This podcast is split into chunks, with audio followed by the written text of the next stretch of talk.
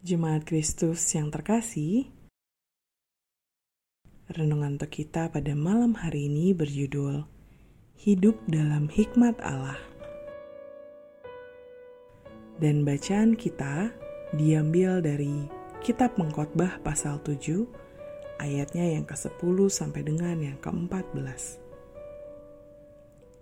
Beginilah firman Tuhan. Janganlah mengatakan, "Mengapa zaman dulu lebih baik daripada zaman sekarang?" Karena bukannya berdasarkan hikmat engkau menanyakan hal itu. Hikmat adalah sama baiknya dengan warisan dan merupakan suatu keuntungan bagi orang-orang yang melihat matahari. Karena perlindungan hikmat adalah seperti perlindungan uang. Dan beruntunglah yang mengetahui bahwa hikmat memelihara hidup pemilik-pemiliknya. Perhatikanlah pekerjaan Allah. Siapakah dapat meluruskan apa yang telah dibengkokkannya? Pada hari mujur, bergembiralah. Tetapi pada hari malang, ingatlah bahwa hari malang ini pun dijadikan Allah seperti juga hari mujur, supaya manusia tidak dapat menemukan sesuatu mengenai masa depannya. Membanding-bandingkan adalah sebuah sikap yang acap kali kita temui dari orang yang merasa tidak puas dengan apa yang dimilikinya saat ini. Padahal, bila mau menyadari, semua yang kita alami memiliki masanya sendiri-sendiri.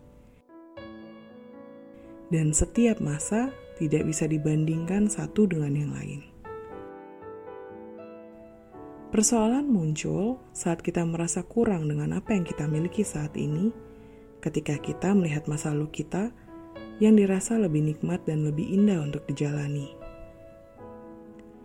Hidup dalam hikmat Allah dapat menolong kita untuk tetap bersyukur dengan apa yang terjadi, sekaligus menikmati setiap proses yang berjalan dalam hidup kita.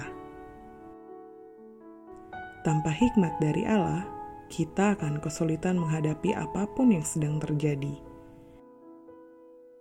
Bahkan dalam ayat 14, kita diingatkan untuk dapat bersikap dengan benar dalam segala situasi yang kita alami.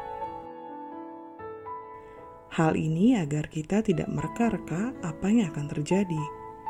Lalu, pada titik selanjutnya, merasa dapat menduga masa depan dan tidak lagi menghiraukan rancangan Allah dalam hidup kita. Itu berarti hidup dalam hikmat Allah adalah tentang bagaimana kita dapat merespons dengan tepat segala hal yang terjadi dalam kehidupan kita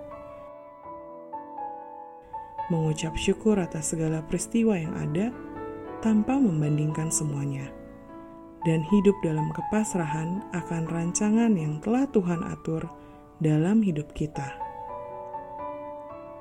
Mari kita berupaya hidup dalam hikmat Allah, hidup yang berpegang teguh pada kehendak dan pertolongan Allah.